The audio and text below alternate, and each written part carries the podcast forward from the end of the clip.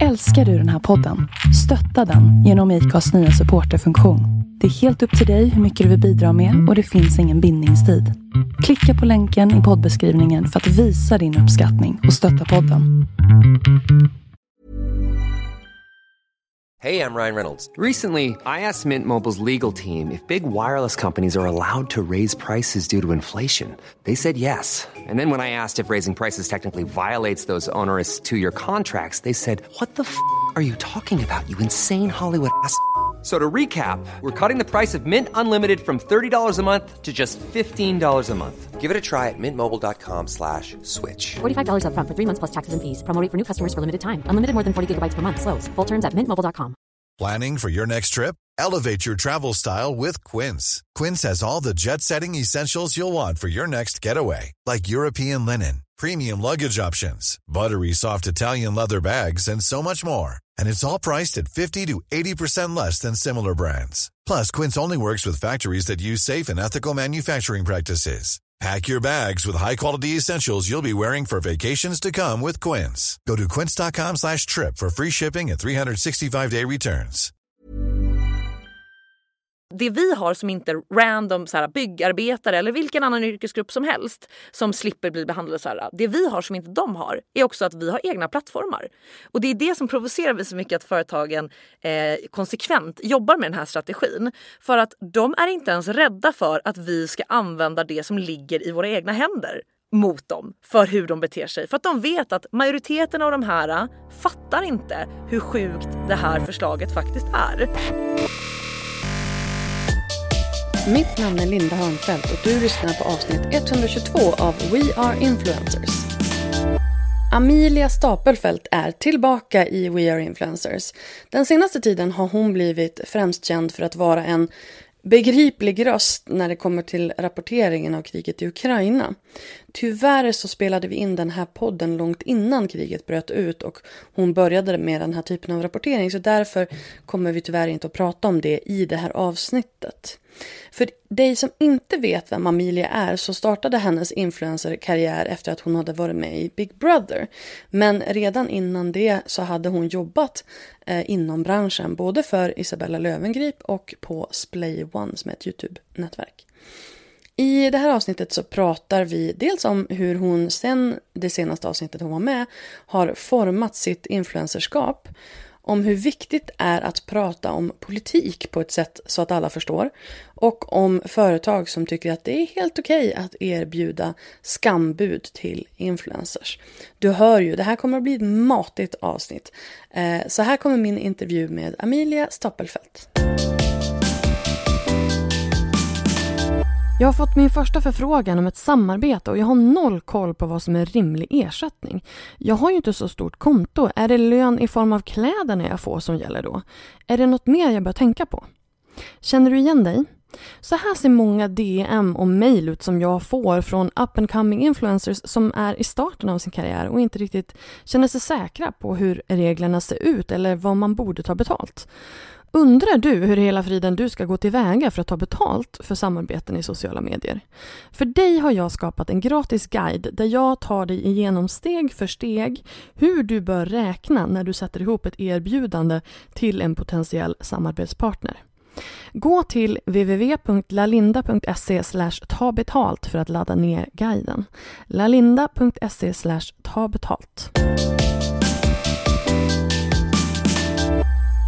Hej och välkommen åter Amelia Stapelfelt. Tack snälla. Det, vi, det här är ju så roligt för att båda vi två när du kom in här bara vi har ju inte träffats på riktigt. Jag kom liksom på det efter jag hade gett dig en kram. Ja. Så jag var så hej gud vad roligt hej hej. Ja. Och så bara men vänta oj nej men oj förlåt. det, var, det var liksom verkligen så. Det, känd, det kändes verkligen som att vi hade Ja men eller hur, eller hur. Men det är ju väldigt trevligt. Ja. Att man känner att, att man har kommit varandra så nära redan. Ja men jag tror att det är man blir så bekant med både liksom och också att vi har ju poddat en gång tidigare. Ja, ja. Så då kändes det, vi har träffats digitalt som det så Ja men vi har ju det. Och, men sen så känner jag också så här. Både du och jag gör ju ganska mycket stories när vi pratar till mm. story. Och då blir det liksom mer en känsla av att man typ hänger med mm. varandra. Mm. Um, och alltså jag tycker ju att du är du är ju en av mina favoritpersoner mm. att följa i sociala medier. Dels för att du inte eh, du tar bladet från munnen så att säga och säger vad du tycker om saker och ting. Och du ehm, eh, du blandar innehåll. Alltså du, liksom, du har lite beauty, du har lite politik, du har lite... Ja men du vet, det, det är liksom det, det är blandat. Vilket jag tycker är mm, svinkul. Men det är ju också en, det är också en svår grej och det pratade vi om sist. Liksom det här med, ja, men det här med nisch. Och eftersom att du kommer från så här Big Brother fame eh, så där behöver man kanske inte riktigt ha en nisch utan då får man ju som följare per automatik. Men det är ju också baserat på din personlighet när det kommer från en realityserie på det sättet. Ja verkligen.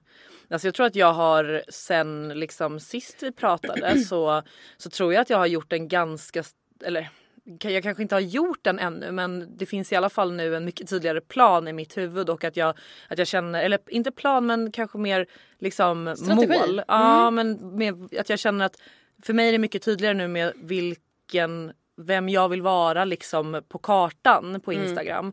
För att ehm, ja, men bara för ett år sedan ungefär så kändes det väl som att jag hade typ ehm, att jag hade en grund i då att komma från så här reality-profil.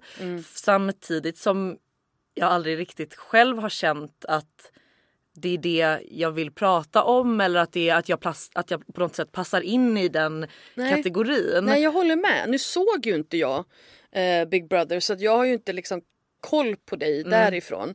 Ehm, och det var inte därför uppenbarligen då som jag började följa dig. Därför att Nej. jag ty- du känns inte som en typisk reality. Nej. Gud det det blir jättekonstigt uttryckt. Men, men, men jag känner att när, när en person kommer från reality fame, åtminstone typ så här Paradise Hotel, Mm. Ex on the beach, så blir det en typisk... Alltså det är en väldigt, väldigt speciell typ av konto. Det ja blir. verkligen. Men och det är, ju... ofta mycket drama känner jag. Ja gud ja. Den här veckan har det ju varit eh, Det har jag mycket. uppenbarligen Nej. missat jättemycket. Men... Jag har ju som sagt lillfingret är väl kvar där någonstans. Jag har lite koll. Men, nej men eh, exakt och det, det handlar väl också egentligen i grund och botten om att alla reality-såpor har castat väldigt stereotypt. Och att Ja. då får man ju sen den typen av profil. Och att jag var väl kanske lite, jag ska inte säga normbrytande men jag var ju en annorlunda cast i, även, även i min säsong så. Men att Eh, och jag har inte heller haft en ambition kanske om att så här, rida på den vågen, realityvågen. Att jag har inte velat dyka upp i något annat program och känt att jag ska göra tv och allt det där. Utan jag har liksom inte identifierat mig med det där. Men jag hade nog ändå ganska svårt för ett år sedan när ja, men liksom Instagram började ta, ta jag, eller jag skulle liksom börja forma det där, den där klumpen man hade fått efter, Du har efter fått en programmet. stor lerklump och nu ska du göra en Ja. vas Ja men detta. exakt och så Ja. börjar, startar man den här Instagram drejplattan och bara så här okej vad ska det bli nu då? Ja. Och så du vet i de första tafflande sekunderna så är man så oj vänta vänta vänta nu. Nej nej nej nej nej nej oj oj nej nej. Och sen Vilken så, fantastiskt bra liknelse. Ja men exakt och sen så känner man fast vänta här har vi någonting Mm. och så fast det skulle vara nice om man fick till det där och så måste man liksom bara du vet det måste snurra några varv innan man är så ja men nu börjar jag få grepp om detta. Alltså den håller, liksom. den håller den här liknelsen. Du bara fortsätter spinna vidare på den. Och den fungerar. Ja men verkligen och nu så har jag väl liksom landat i och lite Nu är du också... snart redo att sätta in den i, i, I ugnen. ugnen. Ja. Ja men den är nog i ugnen nu. Den har bara inte, ja men den har kanske inte- den är inte färdiggrillad eller vad man ska säga. men, men att eh, jag, jag tror att det är lite också grundade typ i att jag att jag själv rannsakade vilka konton jag följde och varför för några månader sedan. Och att jag, men mycket för att i vanliga fall så kanske kontona jag har följt har påverkat mig som en följare. Du vet i så här, vilka, vilka konton konsumerar man. Men Ja, nu kände jag att nu handlade det mer om vilka konton följer jag för de inspirerar ju mig i mitt content. Ja. Att ah, nu gör den här personen såna här reels eller nu gör den här personen såna här bilder och den här personen lägger ut mycket i flödet och det gör inte jag. Att jag kände att jag mätte mig med konton som jag egentligen Du inte ville jämförde det väldigt mycket med. Ja men precis och ändå med konton som jag typ inte ville efterlikna när jag tänkte efter. Så var jag så, men varför följer jag dem för? Och började liksom rannsaka att vill, hur, hur ser kartan ut av profiler och Mm. vart vill jag hamna någonstans? Vilka behöver jag följa för att kunna hamna där? Mm. Och då kände jag väl att så här, jag är inte en renodlad träningsprofil eller modeprofil eller skönhetsprofil även fast jag tycker om både kläder och träning och smink. Mm. Men vad, liksom så här, vad är det som jag kan känna att här gör jag min grej? Mm.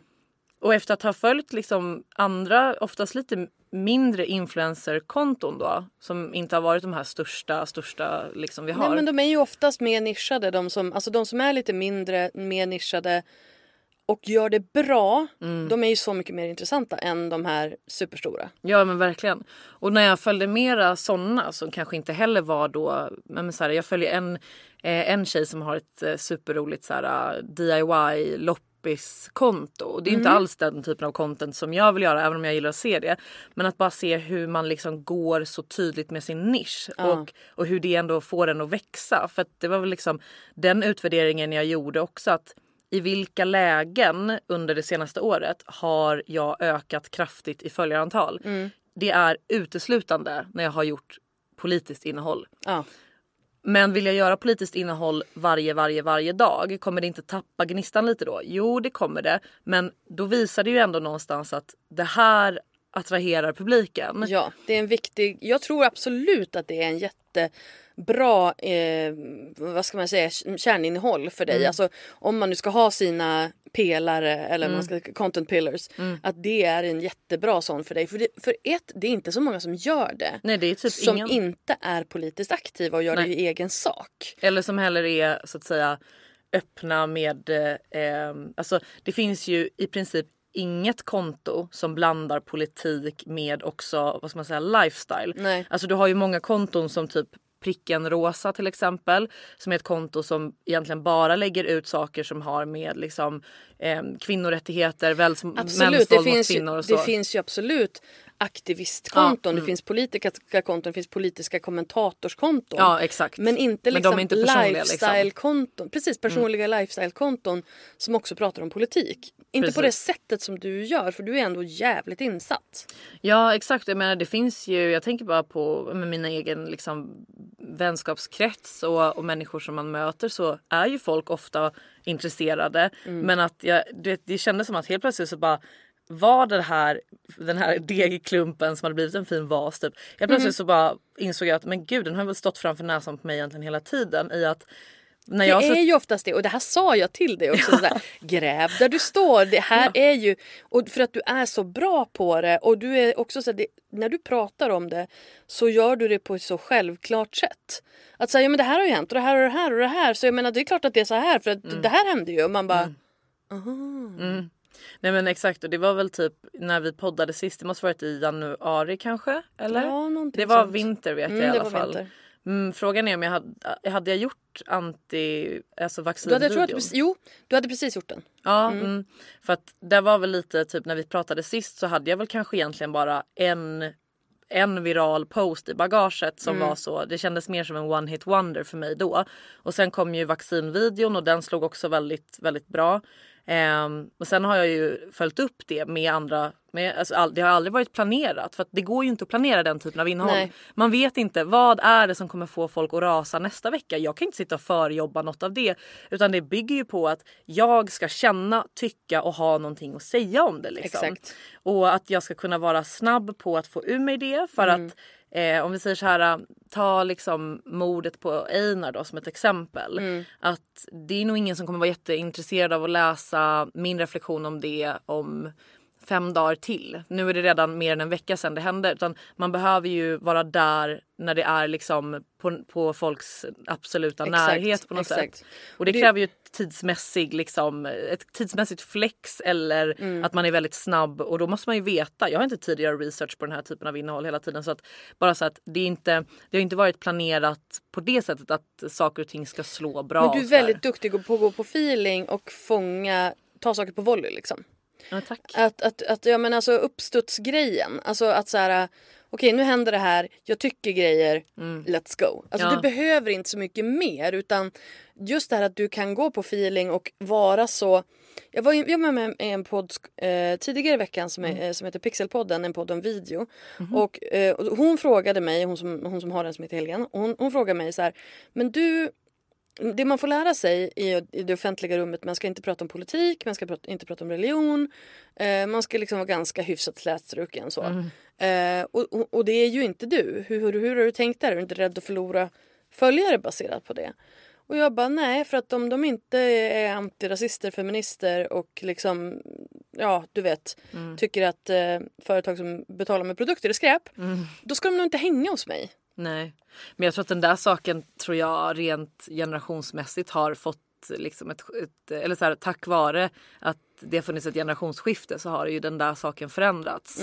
För att nu tror jag att vi mer går in i en era av typ, nej men det kommer, eller den är, vi är väl redan i den sedan ett tag men att det blir väl mera alla, alla ska ju tycka någonting. Man är ju dum om man inte tycker. Man, om, om man inte vet så är man omedveten eller obrydd och då är man privilegierad. Och du vet, så här, alla ska tycka och alla ska veta saker men de två lägren lär ju bli vem är det som vågar sticka ut och säga som, som det är? Alltså nu gjorde jag med situationstecken här men att så här, säga som det är på riktigt. Vem är det som vågar eller vem är det som håller sig till liksom PK-normen? Jag tror att det är där man kommer hamna nu men att folk uppenbarligen älskar ju att ta del av åsikter och just för att man förväntas kunna och veta och ha svar på tal så är väl folk väldigt mottagliga för att någon också kan så här, servera dem den, den informationen tror jag.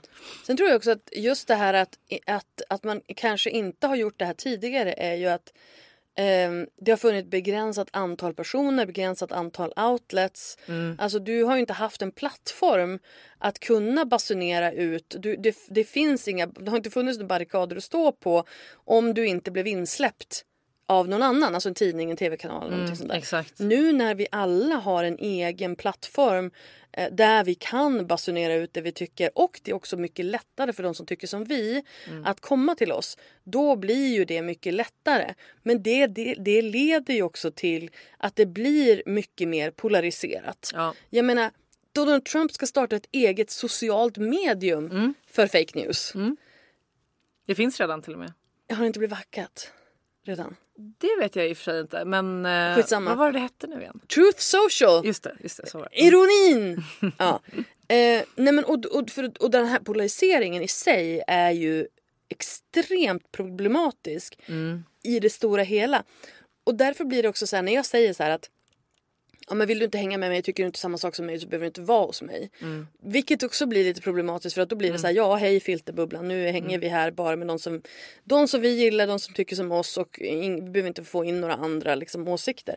Vilket är ju ett stort problem i, i liksom ur ett samhällsperspektiv. Mm, ja, verk, ja det, det, har, det har du rätt i men ehm, tror att Jag står ju fortfarande för det. För så här, vill, jag vill inte ha människor i mitt vardagsrum, alltså mina sociala medier, min blogg som kommer och, och liksom gnäller på mig. Man får kritisera, man får lyfta liksom, frågor och ta en diskussion. Absolut. Men om du inte är antirasist, feminist, liksom, de där, alltså, du vet, då, då kommer vi förmodligen inte att kunna kommunicera på ett dag, vardagligt sätt och liksom hänga med varandra, vara kompisar som på sociala medier. Sen finns det ju fortfarande utrymme för diskussion. Men det är, det är skillnad att ha ett diskussionsforum och att ha ett vardagsrum. Tänker jag.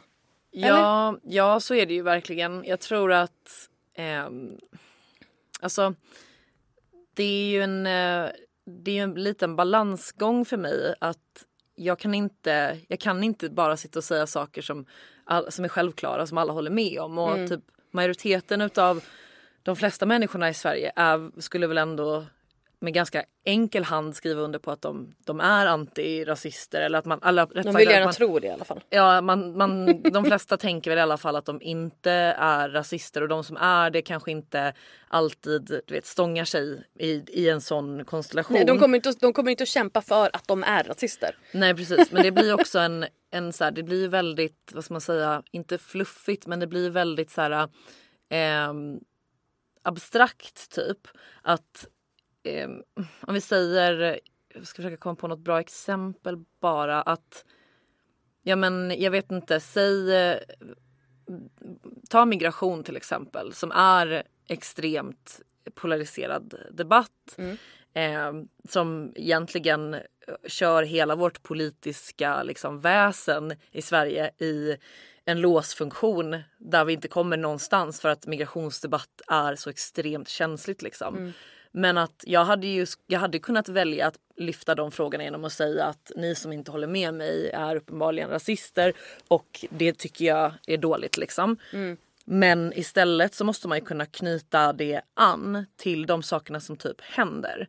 I att så här, men den, just den saken är väl, eh, det finns väldigt många bra exempel inom det. Att jag lyfte till exempel situationen i Afghanistan eh, när den var som ja, men den är ju fortfarande katastrof men, men när det liksom När kulminerade. Ja, när talibanerna kom till makten. Ja men exakt. Och delade de bilderna och liksom lyfte min väldigt nyliberala syn på, ja, men, eh, på mänskligheten och på nationer och på liksom människors rätt till liv.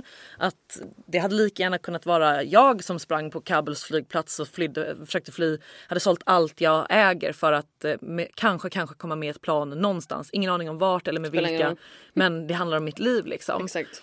Och de flesta människorna kan ju i det läget också skriva under på att ja, de, de håller med mig. Ja precis, det här var bara tur och, f- och flax att vi bor här och inte där. Ja, och att, Att vi är födda här Ja och men inte där. precis. Och att, i, att när man inser det så vill man ju också att de människorna ska få hjälp. Mm. Men när man då liksom add-onar filtret i att ja, och de tre största partierna i Sveriges riksdag är alla överens om att vi ska minska våran invandring maximalt. Det är inte bara Sverigedemokraterna för så låter ju den polariserade debatten. Alltså så som, och det, är, det här förstår jag att det är svårt för människor att liksom ta in all information om hur det är. Men också att så här, Sverige har gått från att ha ett ganska stort flyktingmottagande till ett eh, eller, eh, in, stor liksom, flyktingmottagande har vi väl också minskat men den generella invandringen som vi har i Sverige har ju gått från att vara ganska generös till att nu är väldigt, väldigt, väldigt slimmad. Och man liksom, jag tror att många människor uppfattade att vi stängde våra gränser. Men det är nog inte lika många som har koll på huruvida de är öppna igen eller inte. Nej jag kan eh, faktiskt eh, eh, erkänna att jag det där och det är just det här att det är så många olika också. Det är kvotflyktingar och det är Alltså, vad är, vad är för, Arbetskraftsinvandring. exakt, vad, är, vad är skillnaden på alla de sakerna? Mm. Vilka, vilka har liksom rätt citationstecken att stanna och vilka som är skickade tillbaka? Alltså du vet, Mm. Ja, precis. Och det, de här grejerna har inte folk Det är inte koll svart på. och vitt. Nej precis. Och, det, och det, det här vet inte alla. Alla har inte koll på det här Nej, nej. vilket jag förstår. Men när man då säger att okej men om vi om, om, om du känner att vi behöver hjälpa människor i, som, som de i Afghanistan i större utsträckning. Eh, men du till exempel då känner att eh, din riksdagsröst går till Socialdemokraterna som i sju år också har strypt liksom, migrationen. Eh, förvisso så skulle det inte blivit annorlunda om det var Moderaterna eller Sverigedemokraterna som styrde landet. Men att, så här, du vet, att kunna konkretisera att i ett land där många människor, många unga människor förstår sådana humana värdegrunder som liksom att man vill hjälpa människor som har det sämre och sådär. Samtidigt som, ja men nu ska vi se här, Moderaterna, SD och ehm, eh, Socialdemokraterna tillsammans motsvarar väl ungefär ja, men, nästan 65 procent utav riksdagsrösterna. Och då har vi alltså 65 procent minst utav riksdagens partier. Då har jag inte ens räknat med småpartierna som också skulle ställa sig bakom detta. Tycker att vi ska strypa liksom, invandringen kraftigt. Det finns inte en röst i riksdagen egentligen. Möjligen typ Miljöpartiet, ish. Men, men du vet så här, man måste kunna översätta de här sakerna som folk känner så himla kraftigt till att okej, men vet ni vad? Vi kan gå runt och känna det här äh, varje dag, forever and ever. För att så, vi fortsätter ju rösta på samma politik liksom. Vi fortsätter driva en så polarisering om att man inte, för det tycker jag också är intressant nu ganska, om det var typ nu i veckan, lite dålig koll på exakt nivån av det här så jag, jag reserverar mig för en halv killgissning. Men att eh, jag tror att det var om det var LO eller Socialdemokraterna som nu är liksom överens om att de har lagt fram ett förslag då om att, eh, men att man inte ska kunna, eller gud kanske var det kanske på Moderaternas arbetsstämma. I don't know. Något, någonstans i någon politiken. sa någonting om något. Ja, men att man sätter en gräns då för eh, hur så att säga låga, låga löner och liksom vil- vilka, vilka regler som gäller för arbetskraftsinvandring. Då det finns extremt många människor i Sverige som är arbetslösa och det finns jobb. Men då kommer det alltså hit personer som, och bara för att förklara det då att alla invandrare har ju inte asylskäl. Alla, alltså kommer jag Alla är inte flyktingar. Nej precis. Och om jag skulle varit född i Tyskland och jag eh, flyttar till, till Sverige och för att jag har fått ett jobb här då, har ju, då flyr ju inte jag någonting. Liksom. Eh, och att då det går väldigt många jobb i Sverige så, till liksom arbetskraftsinvandring som vi egentligen inte behöver.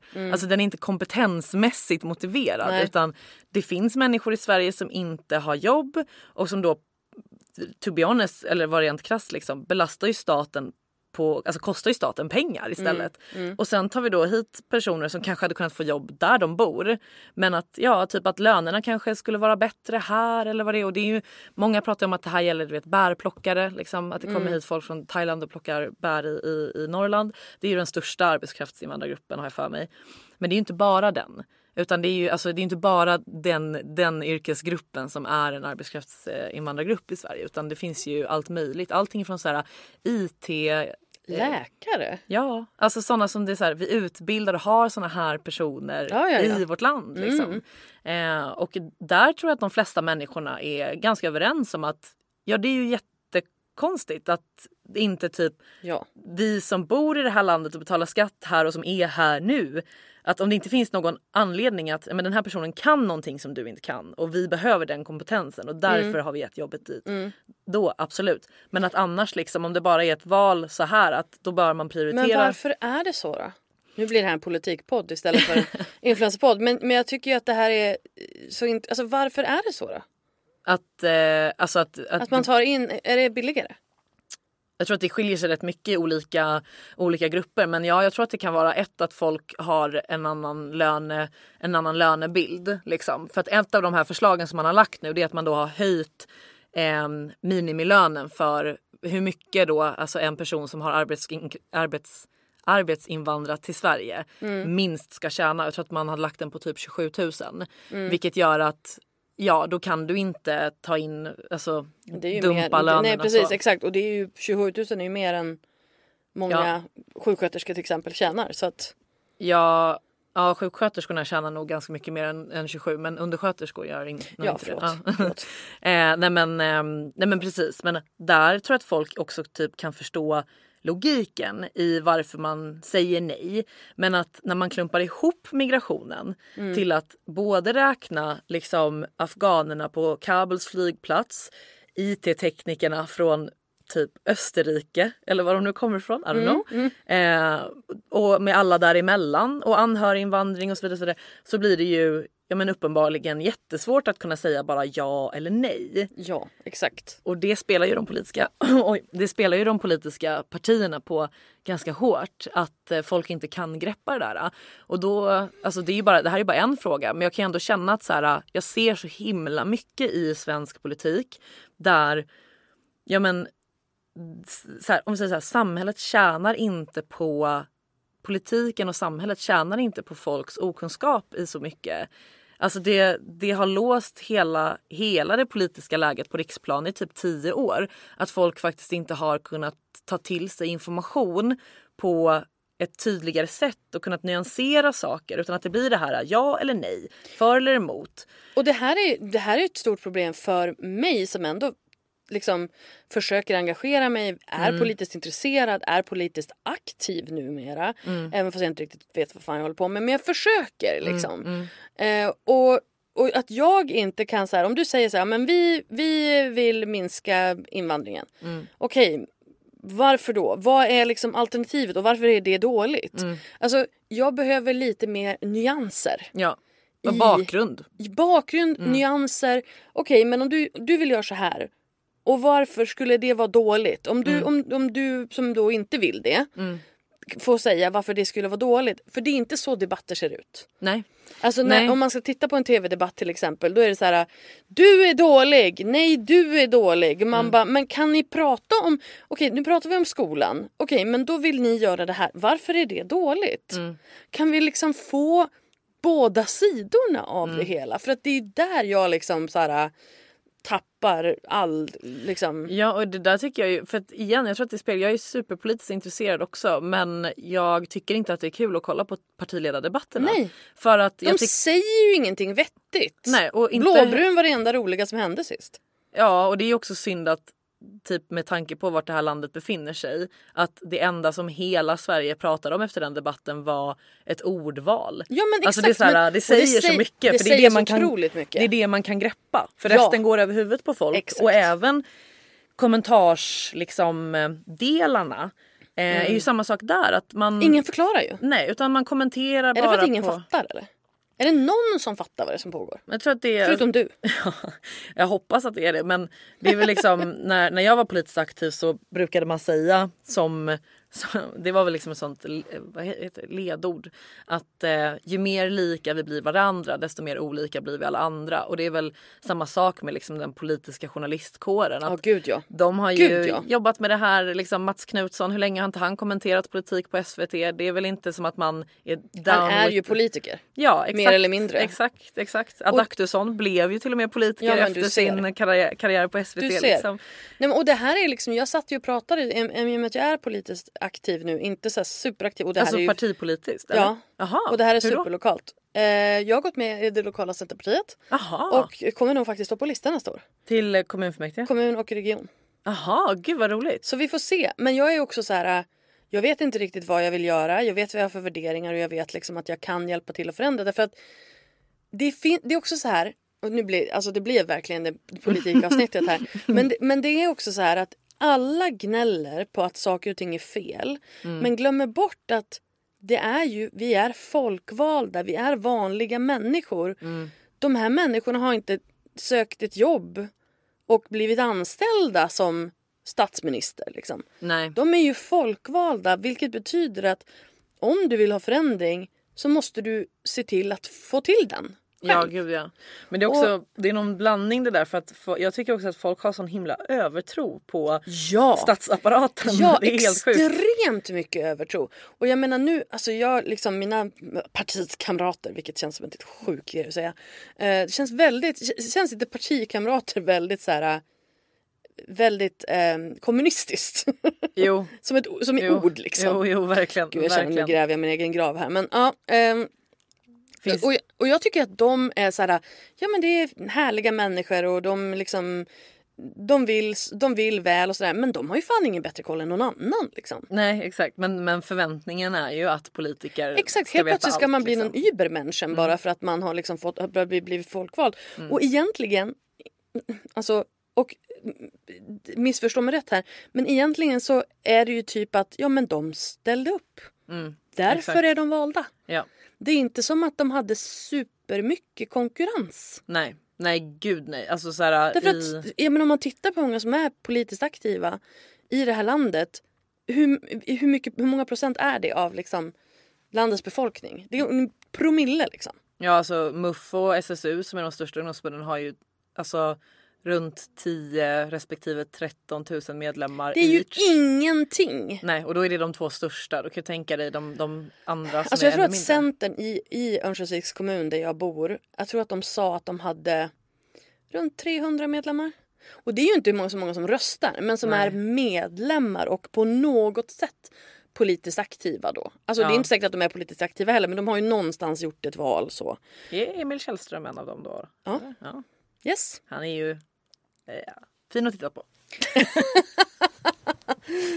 Eh, Och gift. Lyckligt gift. och sen- gift. Och han var gift. typ jag känner både 12. honom och hans fru så att nej de, är, de har nog bara varit gifta i typ två, tre år kanske. Men har inte de varit tillsammans? De har varit tillsammans jättelänge. Ja, mm. Men, de, de, men, de, men de, Debit. de, gifte sig efter att jag lärde känna honom. Ja, okej. Ehm, eh, I alla fall, ja.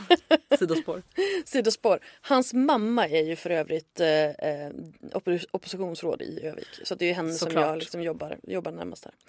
Ehm, nej men, och jag vet inte, jag är liksom så här, jag har inte jag försöker sätta mig in i de olika frågorna. Det är väldigt mycket skog, det är väldigt mycket strand, det är mycket sånt just nu. Eh, och jag har inte jag har också en god vän som är miljöpartist så att hon och jag har ju intressanta diskussioner. Liksom. Ehm, och jag har inte stenkoll men, men jag är någonstans så här. Jag försöker. Och det, var, det, var, det är ganska roligt för det är en kille som är ganska ny i partiet också eh, aktiv. Och han, ehm, när han har, har presenterat sig så har han sagt så här, bara, ja men alltså jag satt och gnällde hemma för frugan och tyckte bara men det var bara skit allting som kommun gör och det blir bara dåligt allting och hon bara du måste nog bli politiker så nu är jag här. Klassik. Det var ju så det började för mig också. Ja men alltså någonstans så är det ju ja drivkraft som drivkraft liksom. Ja gud ja. Det är ju Och- ingen som kommer, alltså det tycker jag också är lite, lite roligt för att det är mycket tjat om politikers eh, löner och sånt där. Ja. Man bara to be, to be perfectly fair. Det är ingen som håller på med politik för att bli rik på det för det blir man inte. Man Alltså, kanske blir det när man väl kommer på en riksdagsplats. Då får man lite pengar. Men innan dess, det är jättemånga år av ideellt arbete. Ja gud ja och även om man jämför typ så här, om du lägger lika många år som det typ kanske tar att så här, ha en stabil riksdagsplats där du lyfter vad är det, ja, men strax under 60 000 i månaden Mm. innan skatt. Så jag jämför du med näringslivet alltså True. så är det ju så här, så är det ju ingenting Nej. i, i så här, vad bra lön är för någonting. Nej, men det är lite grann som influenceryrket. Det är nog kanske inte någonting du ska satsa på för pengarna.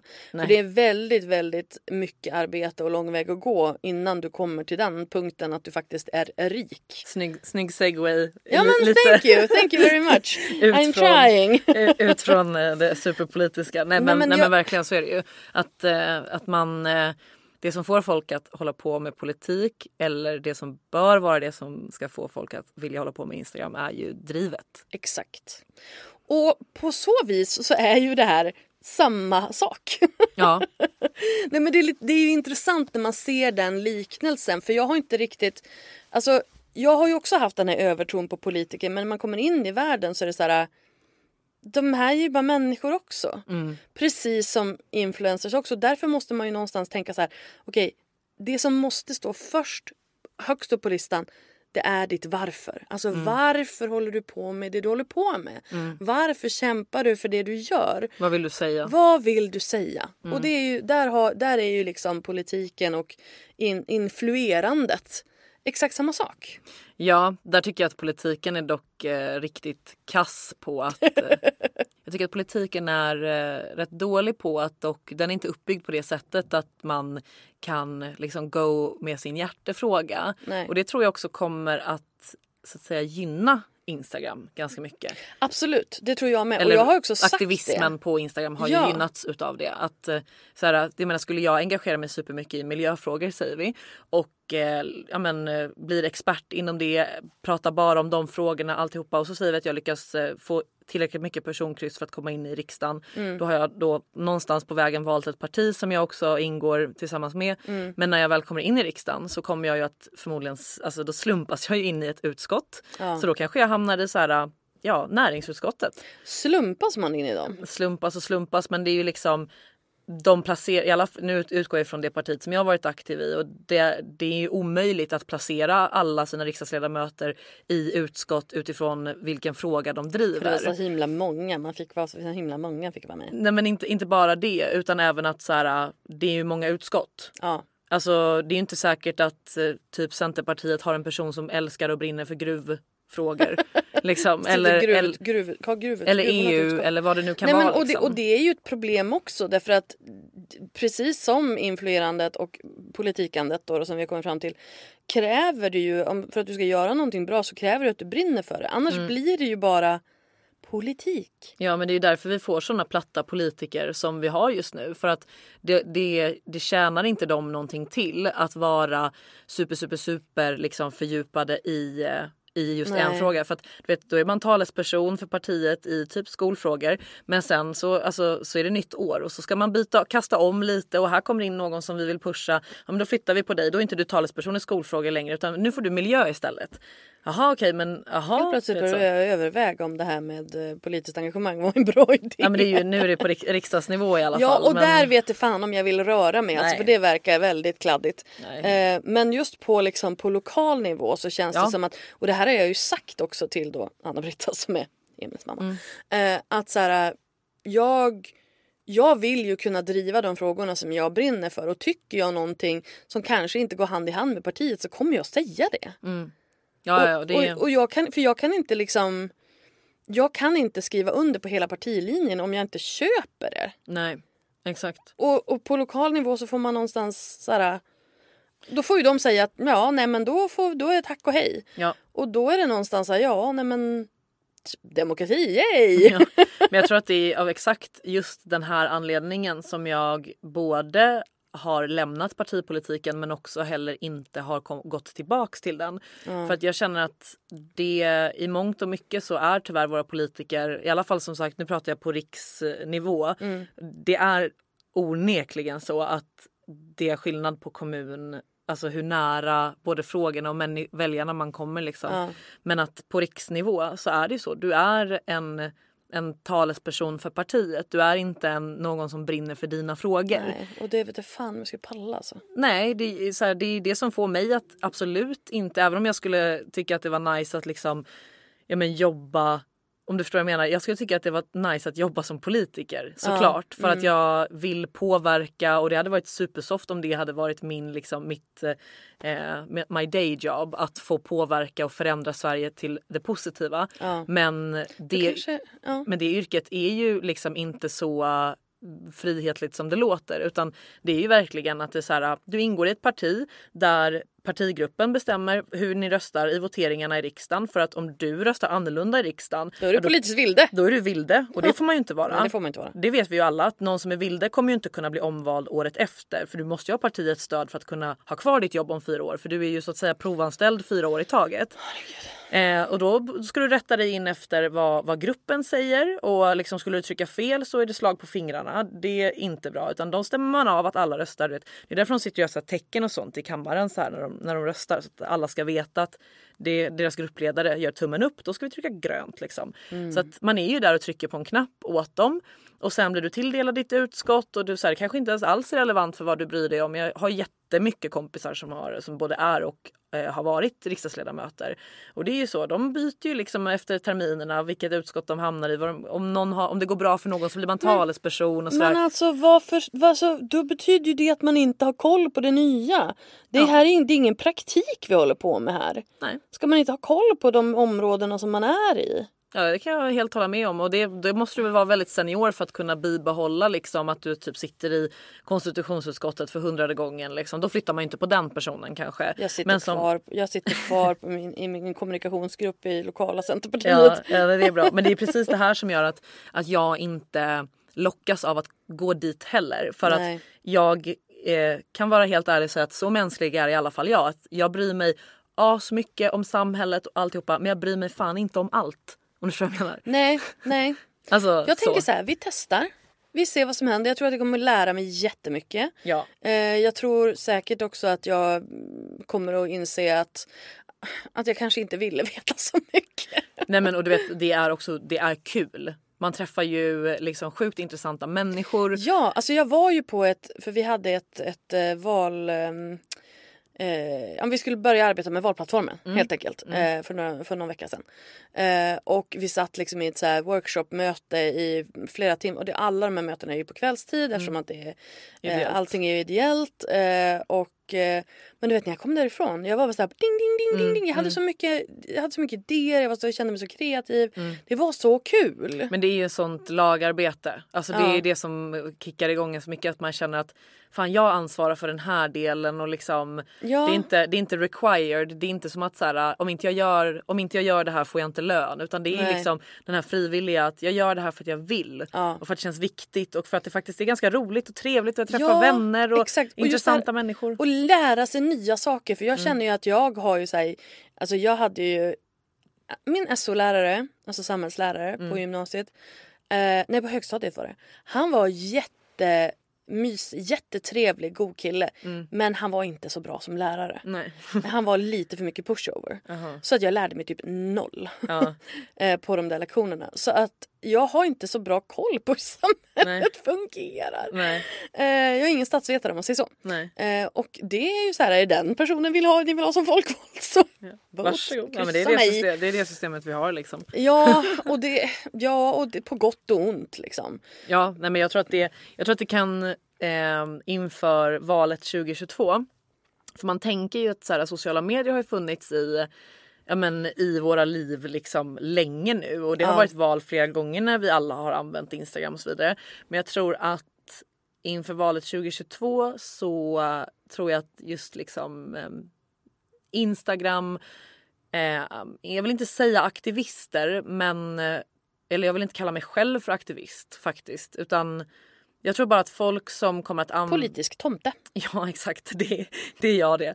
Men, eh, men jag tror att Instagram kommer verkligen eh, kunna påverka opinionen på Mm. ett sätt som det inte har gjort 2018 eller 2014. Eh, och det Absolut. känner jag ju att jag Alltså jag ska inte säga att, eller ja, får man vara lite jantekross och säga att det känner jag att jag själv har gjort. Absolut!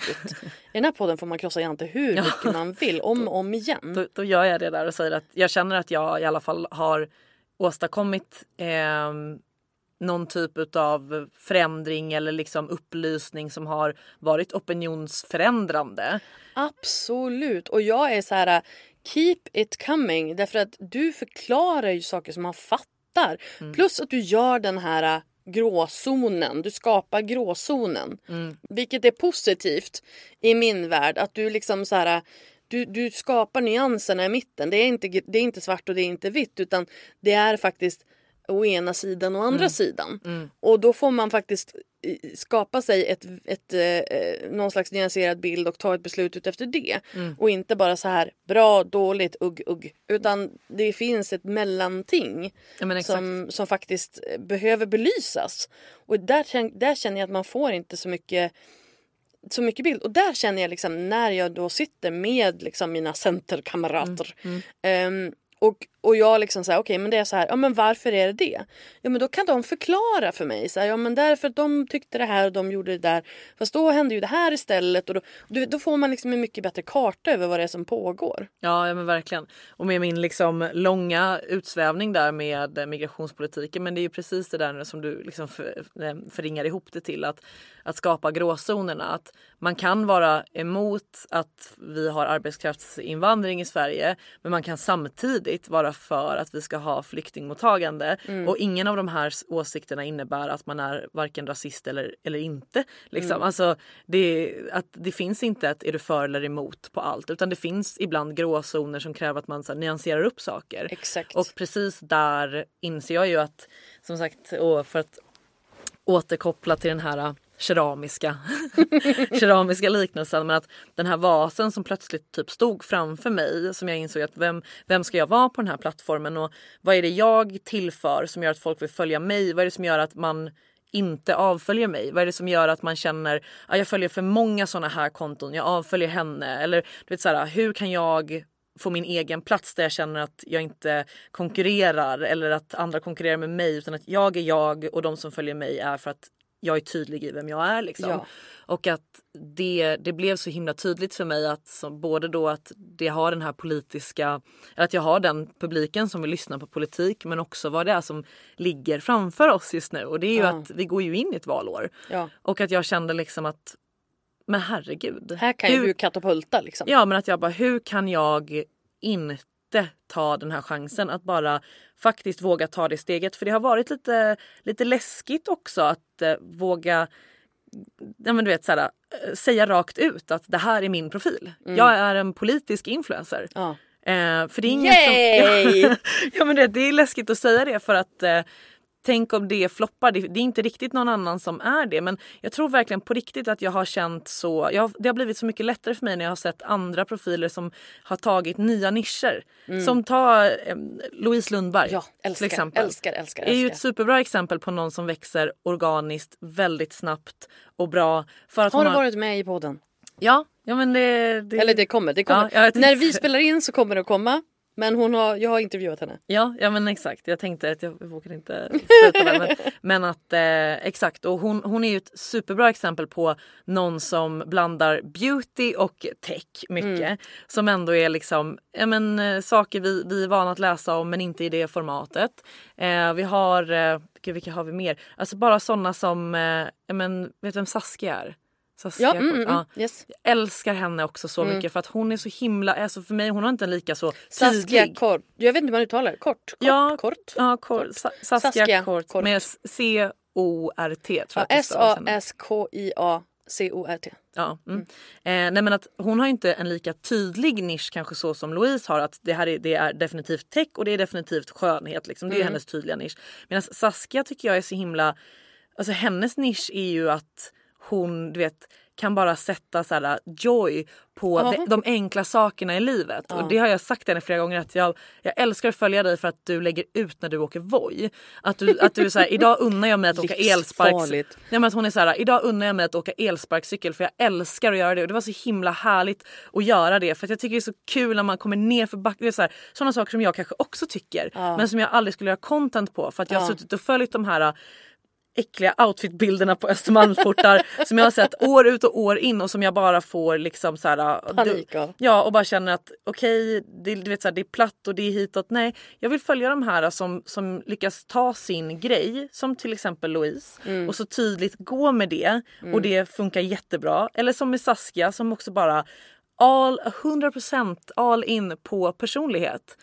Inget Ja. tillrättalagt, det är inte en, en hel organisation bakom och det är ingen strategi och det är ingenting utan det är bara hon så himla mycket och det är också så himla underbart att, att se det.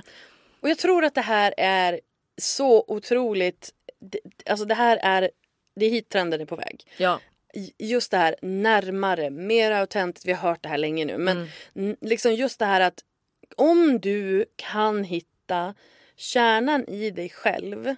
Vad som verkligen gör dig till dig och vågar släppa ut det 100%. Det är så du kommer lyckas för då kommer det att slå igenom, då kommer det att gå igenom. Och för att jag, alltså jag, har- jag har ett bra exempel själv att så här, bara för typ något år sedan jag använder väldigt mycket svengelska men jag har inte gjort det typ i mina nyhetsbrev eller så mycket på alltså offentligt för att jag tyckte att det var så här ja men lite, lite som när eh, min dagmamma sa att när jag var liten att eller du vet det här att man svär för att man har dåligt ordförråd. Eh, och, och, och att det har lite varit på grund av det. Men då var jag så här när jag skulle, tror att jag skulle skriva ett nyhetsbrev och jag bara Ja men fuck it, nu kör jag. Nu är jag all in med, med hela min svengelska personlighet här. Och jag tror på riktigt att det har varit en grej. För att nu när jag pratar med folk och liksom lyfter den grejen och de bara jag älskar det. Och det är så här, ja. Och, och det var ju liksom inte någon stor grej. Men då kände jag ändå så här, att jag typ skalade av den sista delen av att vara så uppstyrd. Ja, ja, men det är också för att igen där skiljer man sig ifrån så att säga riksmedia. Alltså när man tänker, om jag tänker så här, men bara, Bra ju, det har jag aldrig tänkt på det men ja. ja men för det, för det är klart att när, om jag Därför sitter... jag ska prata så här också när jag sitter i podden.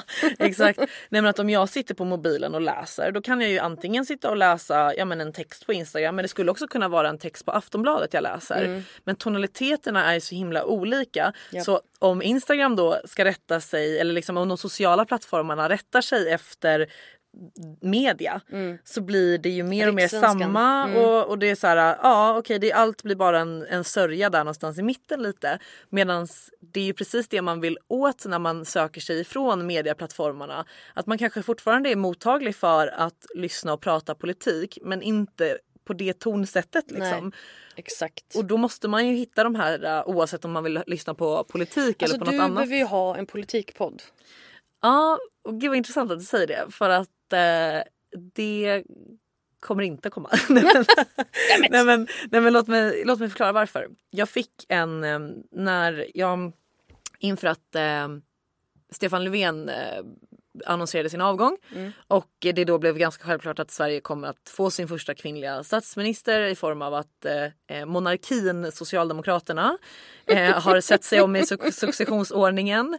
Man kan inte kalla det för en så här jättedemokratisk process Nej, där alltså verkligen inte. ingen har vågat ställa upp och tro mig alla ni som lyssnar att det finns många i ministerrådet som gärna vill bli statsministrar men som absolut inte har tänkt den tanken. Nej, nej, nej.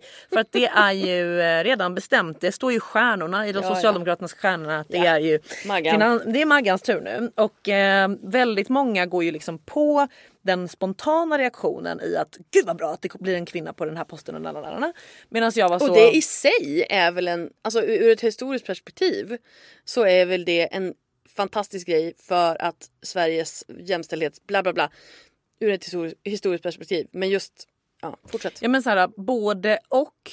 För att vi lär oss att tro att vi har löst något problem när vi liksom lyckas vända, vet, vända upp och ner på, på den här äh, burken vi lever i. I form Mm. av att ja, vi har aldrig haft en kvinnlig statsminister men nu när vi har det då har vi kommit någonstans. Medan i det här fallet så kommer hon va, varken ha blivit framröstad Mm. eftersom att hon inte har prövats i ett, i ett val när hon blir... Så Sverige har inte valt en kvinnlig Nej. statsminister Nej, utan hon efterträder Vilket, en manlig. och det, för det blir ju lite antiklimax. Absolut. Ja. Eh, men sen också att det finns, tycker jag, inget egenvärde i att man ska välja varken en kvinna eller en man specifikt till någonting. Utan jag kommer ju alltid hellre vilja ha en manlig skitbra statsminister före en kvinnlig statsminister. Förstår du vad jag menar? Att det finns inget egenvärde i att bara för att man är kvinna så ska det vara ett bättre val. Utan det handlar om vem är bäst på sitt jobb eller vem är den vettigaste kandidaten. Och sen skiter jag fullständigt i om det är en kvinna eller man. Men då i alla fall, jag la ut Jag bara den- tillbaka till podden. Ja precis och jag la, tillba- jag la, jag la då ut den här spa, eller spa, min, jag delade mina tankar om det här på Instagram. Och eh, sa ju då att eh, ni får jättegärna nämna liksom, kvinnliga politiker ni kan namnet på som inte är ministrar och det var ju väldigt skralt i vilka folk, eller varken ministrar eller partiledare. Det var väldigt skralt i vad folk kunde och sådär. Jag kan några lokala. Ja, det, ja men det är bra. Eh, men då, då fick jag en, ett förslag då från en följare som sa det att Åh, men du borde verkligen ha en podd där du liksom pratar med, pratar politik och eh, för det, du, du, du har så mycket, lalala, men hela den liksom. Och jag var så, ja men det, det är ju en bra idé. Men då kommer ju så att säga gamla byrå, med sociala medier byrå eh, Amelia in och säger att eh, du har inte din plattform primärt i poddform. Utan din publik finns på Instagram och det finns många sätt för, för dig Amelia att, eh, att göra den här typen av innehåll inför dem. Eh, och därmed kunna nå fler än om man skulle göra det i poddform bara för att det egentligen är bekvämt och trevligt. Liksom. Ja, jag mar- marinerade väl det här fram och tillbaks lite och jag kan inte säga för mycket nu. Men eh, eh, det kommer att bli någonting. Men det kommer inte att bli en podd. Eh, men det finns ett väldigt stort projekt i, i pipen som eh, kretsar kring ungefär det här. Spännande, spännande. Segway. Ja. Eh, anledningen till att vi sitter här idag var att jag kontaktade dig efter att du hade gjort en lång rant på dina stories där du även hade små djävulshorn som var jättekonstiga för att de var liksom i bilden men ändå ja, så här, det var från, från din panna uppdraget så. Mm. Ehm, där du rantade loss. Det var eh, ett filter ska vi säga Ja, också. jag. Har inga riktiga djävulshorn vad vi vet. I Vad vi vet. De kanske kommer fram ikväll, vi får Ja. se. Ehm, nej men där du räntade loss kring då företag som eh, vill betala med produkter Mm. som inte respekterar influencerbranschen. Och då, då messade jag dig och bara det här vill jag ha i podden. Mm. Så att, kan du göra en quick recap? På själva storyn typ. Ja men ja, eller bara liksom allmänt ditt, Men vad det eh, som ditt, händer, liksom. ja, ditt ställningstagande i frågan. Ja. Så kan jag haka på bara. Ja, nej men eh, precis för det här är ju det här är ju din eh, det här är din hjärtfråga. Japp. Nej, men Jag jag, vill, jag vill det, det, återigen, jag vill bara liksom ha dem som håller med Ja, mig. just det. Nej men jag blev... Det, jag har jobbat med influencer marketing i, nu ska vi se här, fyra, snart fem år. På annonsörssidan. Eh, nej men eller totalt har jag Okej, jobbat så mm. många år men den majoriteten av tiden har jag ju jobbat liksom på byråsidan Mm. och nu har jag jobbat lite mer än ett år som profil själv. Mm. Och när man jobbar på byråsidan, du får ju aldrig in en kund till en influencer marketingbyrå som säger vi hade tänkt oss noll kronor i budget. Du får För ju att bara... byrån kostar ju. Ja, exakt. exakt. Och det gör ju att man inte riktigt förstår omfånget av, från när man sitter där borta på byrån, så förstår man ju inte omfånget av hur extremt många, hur extremt vanligt och hur extremt framförallt stora företag det är som också ägnar sig åt den typen utav strategier. Japp. Så för mig var det ändå lite, jag kände så här, jag har koll på den här branschen, jag har jobbat med den länge, men har ändå på något sätt blivit så, du vet, det har ju kommit som en sån kalldusch för mig varje gång jag har fått de här mejlen för att det är så, nej inte ett till. Nej, Jo, men det, alltså det är ja, varenda dag. Och nu för någon vecka sedan då så tror jag att jag hade fått tre mejl inom loppet av en vecka med eh, liksom pitcher då från företag som hör av sig till mig om att de vill, de vill göra samarbeten. Och man, man ser ju det här mönstret som är så som är så enkelt att upptäcka. Och jag kan säga att för de som lyssnar som kanske själva då är influencers så Eh, känner ni säkert igen er i att ni får en pitch där det är liksom oftast så skriver man skriver inte företagen ut liksom hela utan de, de vill reka intresset mm först liksom mm. etablera kontakten så. Sen eh, när man säger att ja, men jag skulle jättegärna vilja samarbeta mer. Vad är det ni tänker er? Då kommer hela den här pitchen av vad man ska göra som då oftast är men ett helt, en helt vanlig kampanj. Alltså för mig en vanlig kampanj då både post och story eh, publiceringar. Mm. Eh, med såklart med rabattkod som ska ska driva konvertering till de företagen. Det är ju inte en ära för mig att kunna erbjuda en rabattkod utan det är ju faktiskt någonting som ska driva sälj till dem. Och inräknat. Ja, Exakt. Också i exakt. det hela liksom. Ja gud ja. Alltså de största influencer marketingföretagen, nu ska inte jag hänga ut någon specifikt så men jag... Eller? Nej för att ett, ett av dessa företagen jobbar jag nämligen med själv men de betalar ju obviously mig såklart då. Men att eh, jag vet ju att de också typ har höjt sina priser generellt med 20% sen influencer marketing blev en en, en bestående del av deras marknadsföring. En rabattkod för mig som profil att erbjuda till mina följare, det är ju inte en ära för mig utan det är ju konverteringsdrivande för företagen. Och det är inte en uppoffring för dem heller att erbjuda det. Jag tror att det finns ganska många influencer marketingföretag som successivt har kanske höjt sina priser på sina produkter med 20% för att de alltid någonstans har en 20 alltså rabattkod. Alltså produkter som, eller vad det, företag som jobbar med influencer marketing. Ja. Till exempel, nu vet jag inte om det här är de du pratar om, men till exempel Ideal of Sweden. Mm. Som, som har eh, som konstant jobbar med profiler och som konstant har en produkt, en exakt, rabattkod ute exakt, någonstans. Exakt. Ideal är ett jättebra exempel. Vill också, och då kan jag faktiskt dra en uthängning, att Ideal of Sweden som omsätter typ 2 miljarder kronor eh, är absolut ett av de företagen som har pitchat på det här sättet på mig med ja, att betala ja, ja. med produkter. Eh, och att på något sätt då när man, eh, när, man, här, när man då argumenterar emot så är ju oftast det sjukaste liksom, motargumentet de kommer med är ju typ det här med att ja men du får erbjuda dem en rabattkod och liksom alltså att det är så här, som att det är en ära för mig att driva försäljning ja, till ett ju, annat det gör företag. Ju inte dig, alltså du får ju inte mer pengar av det. Nej, eh, men att eh, då i alla fall. Jag hade en vecka här nu där det inkom liksom tre såna här mejl på en vecka ungefär. Och eh, de var så lika varandra med då att det, vi, har, vi, vi skulle jättegärna vilja jobba med dig och eh, uh, undrar om du är intresserad. Och man är så här, ja absolut. Och så kommer det, ja men då tänker vi oss en post och en story. Vi tänker att du har en rabattkod på hela 20 procent. Absolut, jag hade kunnat tatuera in Amelia 20 någonstans så ofta som det ändå är förekommande så. Mm. Men absolut. Eh, hela 20% kommer jag att ha en rabattkod på och jag kommer att få välja produkter för, för 1000 kronor. Oh eller något sånt där. Eh, vad det nu kan vara. Men det är ju liksom, det är ju inga, det är inga hutlösa Nej, och heller. Vad kostar så. det för dem? Nej, ingenting. ingenting.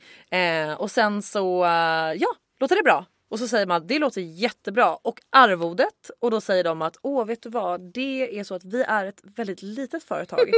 eh, och vi har inte riktigt eh, de budgetarna. Mm. Du vet inte ens vad jag tar i mitt ännu mindre företag. För jag är alltså en person som jobbar i mitt företag. Och du ska vi se här i din mailtitel, ja du är social media and influencer marketing eh, manager. Okej, okay.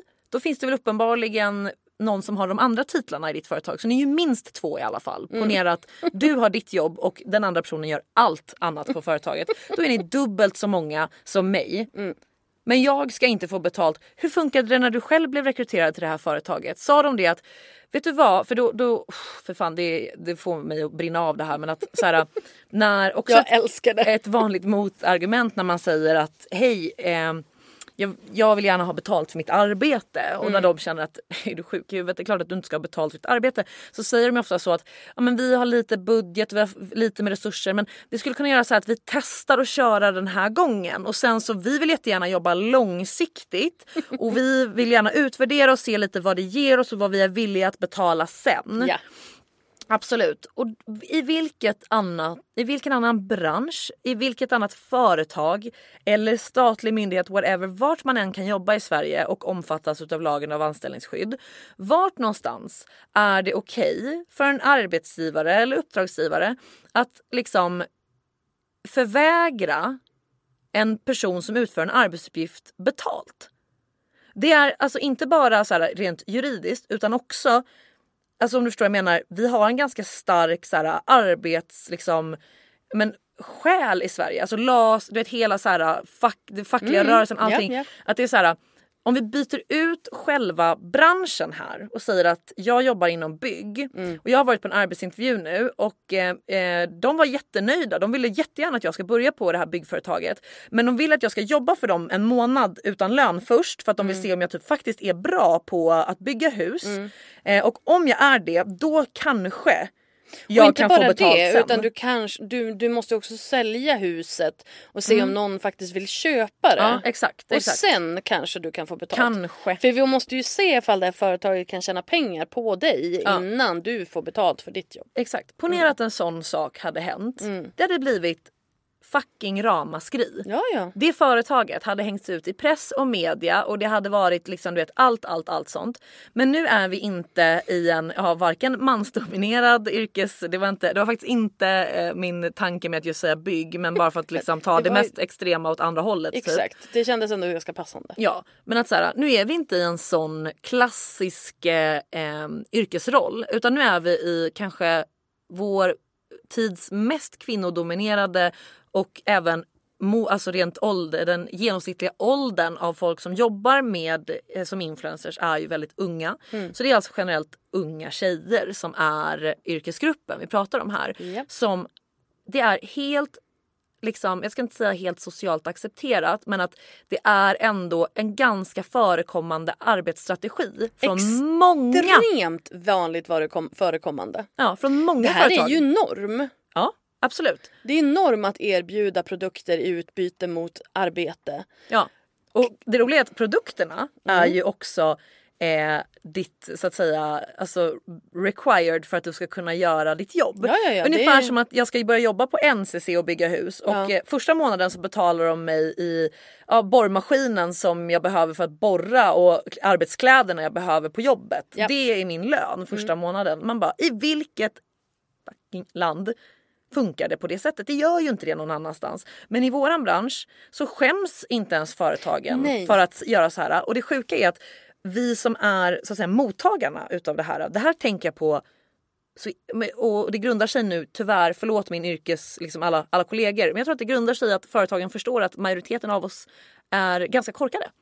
Att vi förstår inte hur absurt det här är. För att det vi har som inte random så här, byggarbetare eller vilken annan yrkesgrupp som helst som slipper bli behandlade så här. Det vi har som inte de har är också att vi har egna plattformar. Och det är det som provocerar mig så mycket att företagen eh, konsekvent jobbar med den här strategin. För att de är inte ens rädda för att vi ska använda det som ligger i våra egna händer mot dem för hur de beter sig. För att de vet att majoriteten av de här äh, fattar inte hur sjukt det här förslaget faktiskt är. Därför att det är majoriteten unga kvinnor som inte har fått lära sig att uppskatta sig själva. Ja. Att inte ha lärt sig självkänsla, självrespekt, självvärde. Ja, eller bara så här ren och krass, så här funkar det på ett företag och så här funkar det på ett jobb. För man kanske är 17-18 år och går i gymnasiet och aldrig har jobbat på ett liksom, riktigt företag. eller visst, absolut. Men det är också skillnad därför att om det är du som ska göra reklamen och det är din plattform och det är dina följare. Mm. Då tänker de, men det är ju bara lilla jag. Det är inte ett riktigt jobb. Ja, mm. Därför att det är den, det är där det liksom fallerar i hjärnan på väldigt många. Att de tycker inte att det här är ett riktigt jobb. Alltså är det inte värt att få betalt för. Mm. Men jag menar, Nej men, alltså det, nej men exakt och det är ju också för, tror jag igen, hur media eller liksom samhället i stort också är besatta av att eh, hacka och på något sätt förringa alla influencers och att man förstorar upp deras ansvar väldigt mycket i allt. Vad det än gäller så ska man ju som jag varit inne på tidigare, man ska ha svar på, man ska veta allting, man ska kunna allting. Gör man inte det är man en dålig förebild och det vill man tydligen inte vara. man ska engagera sig i alla frågor och Ja. i alla, ha insikt i, i alla världens problem. Och- Och, och det som- sätta dem på sina axlar. Och det som händer i det är ju att när man pratar om influencers, alltså senast igår från den dagen som vi spelar in det här så hade liksom eh, Aktuellt ett minuterlångt minuter långt inslag om hur unga tjejer blir påverkade av att se liksom vältränade kroppar på Instagram och de intervjuade en ung tjej som hade ätstörningar som, hade, som hanterade det genom att nu bara kolla Instagram några timmar om dagen och inte allt för mycket för att det påverkar henne så illa. Och, men vi har, vi har sökt flera influencers och de vill inte kommentera detta och så vidare. Nej såklart men det här bygger bilden av att influencers faktiskt bara är någon form av du vet, figurer som, ska, eh, som liksom ska plisa alla på alla sätt och det lyckas vi aldrig göra. Och att så här, vi är bortskämda för att vi är bara figurer. Vi är bara karaktärer som ska liksom fylla människors liv och, och vi lyckas aldrig göra det på rätt sätt. Man talar så himla sällan om, förutom de största som liksom har anställda som omsätter miljoner, som har andra företag som startar Indie Beauty, Ida Warg Beauty, Hiccup, ah, eh, Löwengrip, lalala, alla de här som liksom lyckas starta andra företag. Då börjar man prata om dem som entreprenörer och som Japp. pengar. Jag är bara min egen liksom faktureringsmaskin eller vad fan man ska kalla det. Jag jobbar... Egenföretagare tror jag det kallas. Ja, ja men exakt. Men ett såhär, Soloföretagare. Jag, ja men jag, du vet, så här, jag gör bara min grej. Jag har inte någon annan företagsam verksamhet i att ja och sen så säljer Nej, jag du är bara en reklambyrå, en fotograf, en redigerare, en filmare, Mm. Creative. en säljare, en creative director, en kändis, en manusförfattare, researcher, researcher, säljare har jag sagt det redan. publicist. Publicist, eh, IT-tekniker eh, i ett. Mm, ja precis, precis. Men eftersom att jag inte också säljer små stickade mössor typ så är det som att då kan man förringa mig till att jag då är jag ju bara den här figuren. Förstår Ja. du? Mm, att förstår. alla influencers som också gör någonting vid sidan av de kan kanske vinna lite mer förståelse för att de är företagsamma. Men sanningen är ju att även den som sitter med 20 000 följare och som gör alla de sakerna som vi precis radade upp och som sjukt nog vill alltså ha betalt för den saken. Vi är ju också företagare. När ett företag skriver till mig som då de här som jag, som jag visade i konversationen till dig för.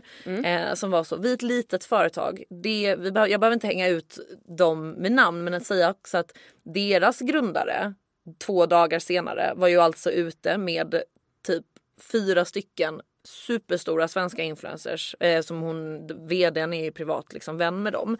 Eh, och eh, när, man, när hennes anställda alltså sitter och skriver till mig att vi är ett så litet företag och vi har kämpat oss fram och så vidare. Och så vidare. Ja, vadå, ni har kämpat er fram för att sen trycka ner andra kvinnliga företagare. Varför har ni kämpat er fram dit? Och ofta liksom? har de här personerna också en stor liksom, profil eh, som de faktiskt betalar massa massa pengar till. Det här företaget hade ju jobbat med både Kinsa och eh, Penny Parnevik så det är ju också så här. De har ju inte ställt upp gratis. Det är klart de inte har. Och det, det, det finns pengar i ett sånt företag som har råd att Men de jobba med Kinsa. förutsätter ju att du är lite, att du är, ja, att du är lite dum i huvudet. Att jag är dum och ska Ja. bli så smickrad över att ett företag som har lagt en stor budget på att jobba med Kinsa Men sen vill jag också vilja bara lägga in det här för att någonstans flytta fokus från eh, influencers ansvar. Och ja, absolut det här att man, alltså ska du jobba som influencer så behöver du ha koll Mm. på vad du har för rättigheter och vad du har för skyldigheter och faktiskt stå upp för dig själv. Därför att din chef kommer inte tacka dig för att du liksom nedvärderar dig själv. Din chef som är du då. då. Ja, mm. Eh, men för att skifta fokus lite grann här också. När de gör de här typen av betala med produkter. Säg att du ska då få, få produkter för tusen kronor. Om de inte har, koll på att du har F-skattsedel så ska de betala arbetsgivaravgifter på det. Tusen kronor per år och person. Då, och då, då ska de ha koll på ditt personnummer. Du ska vara anställd på det företaget och de ska betala arbetsgivaravgifter på dig. För fan, det, det kommer bli mitt nästa svar. Hur många vet det? Nej, vet vad, inte, inte ens jag visste det men det ska också sägas att det är ju för att jag, jag knäpper ju av dem direkt. Vilket liksom. betyder att det det här gör det är att det skapar tusentals svartjobbare. Ja absolut. Det, det är absolut rakt av vad det gör och det är ju igen att tar vi andra Och sektorer. enorma företag som tjänar miljarder Mm. som är skattesmitare. Ja, absolut. Rakt av, helt sant. Men det som jag tror att de flesta har nog nåtts av informationen att man kan bli förmånsbeskattad på att få saker och sådär. Men där är man väl också lite så att ja, men Fast det vet jag inte. förmånsbeskattad blir du ju bara om du har ett företag. Förmånsbeskattning utgår ju från att du som anställd har fått en förmån. Vilket betyder att då måste någon annan betala arbetsgivaravgiften på den förmånen. Så om en influencer, nu blir det ju verkligen så här äh, fråga, fråga eh, influencerombudsmannen här. Men, Ja, men att eh, om en influencer då fakturerar genom ett faktureringsbolag typ Cool Company eller Frilansfinans. Då, får ju du ut en, en lön. Precis, men då, är ju inte, då har ju inte jag ett eget företag. Nej. Och om jag då till exempel mottar eh, kopiösa mängder pressbud. Mm. Då kan jag inte förmånsbeskattas på dem. Nej, men du kan inkomstbeskattas. Aha, Yes. ja, jag tänkte säga det. De har väl inte, de har väl inte en blank spot den där nej, nej, för välfärdsmaffian. De har tänkt på allt. Ja, ja, nej, nej, inkomstskatt ska du betala som, eh, som privatperson. Förmånsbeskattning kan, du, kan det bli om du, för att jag menar får du en produkt, ta in den som en inkomst i ditt företag, vilket jag gör med pressbud och sådana saker som jag får. Eh, tar in det som en inkomst i, i mitt företag. Om det då är en produkt som är av högt värde och som jag sen behåller Mm. eh, och utnyttjar privat, då ska det förmånsbeskattas. Men om du, för du har, du har F-skattsedel. Mm. Ja, Jag har haft aktiebolag. ja, precis. Men en person som inte har ett eget företag utan som fakturerar via ett faktureringsföretag. Mm. Den personen kan ju då inte inkomstbeskattas, eller? Alltså för produkterna, för du, du skickar ju ingen faktura på en produkt som du får via ett... Via ett Nej, eh, nej, nej. och eftersom att det här, det här är eh, Cool Company Frilansfinans, de, du är ju anställd av dem. Ja, exakt, Ja. exakt.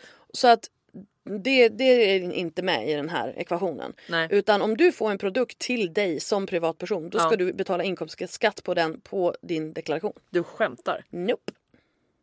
Inte ens lite. Ja, jag hatar den här staten.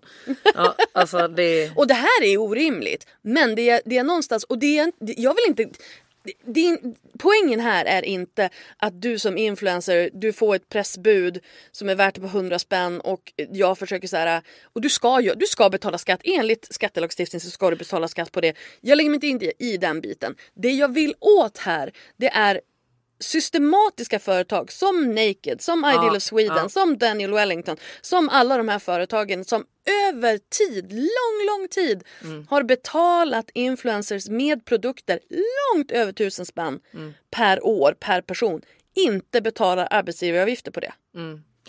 Skickade jag till dig dagen efter jag la upp min rant så hade ju Maja Parnevik lagt ut att Naked hade ju pitchat att hon skulle få 700 spänn i ett presentkort för ett samarbete.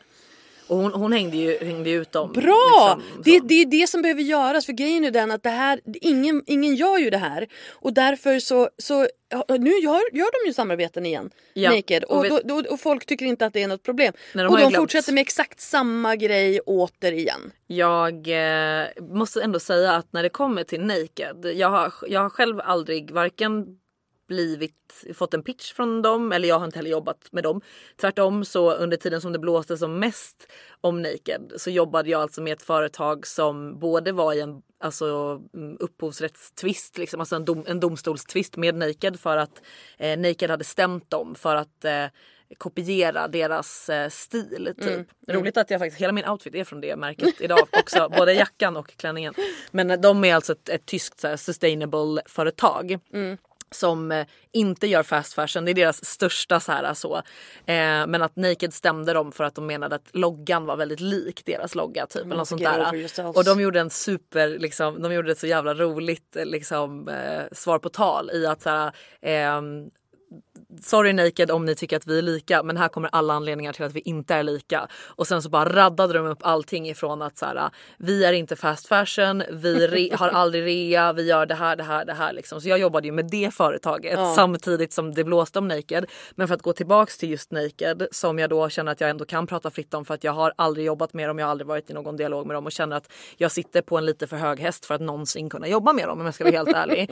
I, I just sammanhanget att jag gjorde den här andra kampanjen Ja, men, och också. l- någonstans en moralisk aspekt. Ja, jag vet. Ja. Men det roliga är ju att de är ju det företag som har blivit ansiktet utåt för sån här shady influencer marketing business. Japp. De har miljarder i omsättning, Mhm. har vuxit explosionsartat på bara några år. Det är rutinerade, en rutinerad entreprenör, han som startade Nelly är ju liksom grundaren till Naked Mm. Också. mhm. Eh, så det är ju ingen eh, clueless liten snubbe så, utan han har Det här är så systematiskt och de gjorde precis samma sak på Nelly. Ja, ja men exakt. Och att de då, för att det tycker jag också att man ska understryka att det som hände när liksom Naked blev exposat förra hösten.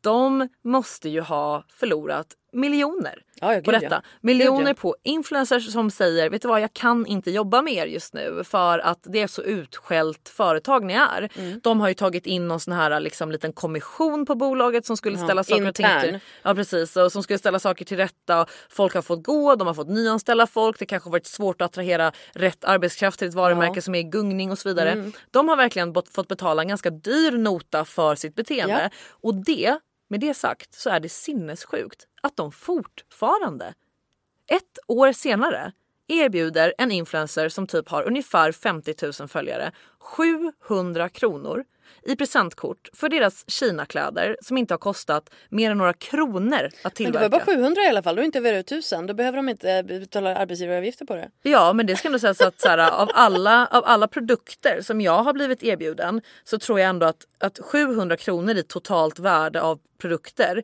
det Marknadsvärde alltså, inte, inte inpris. Ja, ja exakt, exakt marknadsvärdet. Eh, det är, jag kan inte ens minnas att jag har blivit erbjuden något så lågt och då är, då är jag alltså mindre än liksom the half of her i, Ja. i följarantal. Att det är ett sånt delvis skambud. För att jag, man kan ju någonstans ändå se logiken i där de är så här, vi kan inte erbjuda dig de här pengarna i arvode men du kan få det i produkter. att då försöker de ju ändå någonstans säga att Mm, Ja, det ja, här är men våran 700 valuta. spänn i produkter, Ja. det är ju liksom, Ett skämt. det är ett skämt. Det är ett rakt av ett skämt och jag förstår att hon hängde ut dem direkt Ja, men alltså, för det. För jag hade nog gjort Big detsamma. ups till henne. Jag har ju sagt det att eh, får jag en sån här pitch till så hänger jag ut. Mm. Och det roliga är att jag vet inte varför man drar sig. Jag tror att det är för att man blir, för att som sagt jag... Man är rädd för att man inte ska få fler jobb från Ja. att andra företag Att andra ska se företag- och de ska tycka att man Men är oseriösa. så är det så- Antar jag. Ja men jag antar också att det är så. För jag menar jag tror att de flesta vet ju att jag tvekar ju inte att säga någonting om jag vet vad jag tycker. Nej. Men jag drar mig för att Eh, att hänga ut de här företagen. Men så är det precis som du säger, att det är för att man är rädd att man inte ska få andra jobb. Men det är också så här, vadå? De enda annonsörerna som jag kommer skrämma bort genom att säga pitchar ni på mig med såna här vidriga förslag så hänger jag ut er. De enda som kommer låta bli att pitcha på mig det är de som gör sånt. det är de som gör sånt. Jag vill inte ha dem Nej. mejlen. Exakt. They're not your people. They don't want, you don't want them in your living room. Exakt. Ett företag som går in på min profil på Instagram och så ser de att det kanske finns en highlight då till exempel där jag hänger ut företag som har pitchat på mig eh, för, för sådana erbjudanden. Ja. Om de sitter på en budget som de eh, funderar på vilka profiler ska vi lägga den här budgeten på, de är inne på mig. Då kommer ju inte det bli att de, in, alltså att de inte hör av sig. Du Nej, jag menar? nej. Nej, de, nej, de kanske tänker okej, hon är seriös, vad bra. Exakt. Så. Men de som Exakt. sitter med okej vi ska försöka hova in någon på noll kronor. Ah shit här blir man uthängd. Nej vi tar inte henne. Då slipper man Tror den du ens att de kollar på dina highlights, de som erbjuder produkter? Nej, nej såklart. Det, men, jag, har, eh, jag har en shitlist, jag har två höjdpunkter som heter shitlist på min och jag får ändå dem. Så att liksom Ja, det, ja. det där är ju bara en massa massmail och det är precis samma personer som skriver hej fina och, och eh, Ja. Eh, en blomma. ja, ja, ja, ja absolut. Eh, vi behöver avrunda. Tack snälla Amelia för att du kom. Det här var fantastiskt. Tack för att jag fick komma. Puss och puss. Puss och puss. Fan vad det? Ja, ja, whatever. Tyckte du om det här avsnittet? Då får du hemskt gärna dela det på Instagram och tagga mig att lalinde och hashtag weareinfluencers. Vill du ha hjälp med att utveckla din egen influencer business? Gå till lalinda.se influencer för mer information om hur jag kan hjälpa dig utveckla dina sociala kanaler. Tack för att du har lyssnat på det här avsnittet. Vi hörs nästa gång. Ha det bra. Hej då.